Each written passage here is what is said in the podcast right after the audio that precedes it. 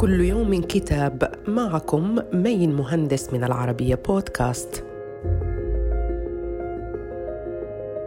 نتناول اليوم كتاب التنوير الراديكالي للبروفيسور البريطاني جوناثان إسرائيل نجد فيه تصورا نظريا وتاريخيا عما انتهى إليه العالم في اللحظة المعاصرة قدم فيه الكاتب قراءة مدغمة بآلاف التفاصيل لفترة التنوير الأوروبي ضمن محاولة جادة لتسجيل تاريخ الغرب الحديث. كما وصف التنوير الراديكالي بمجموعة من المواقف الفلسفية ضمن اتجاه فكري يكسر الخرافات المتوارثة. مستعرضا الحلقة الدموية من التاريخ الفرنسي.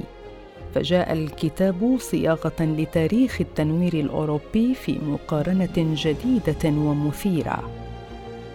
صدر الكتاب عن مطبعة جامعة اوكسفورد وإلى اللقاء مع كتاب جديد.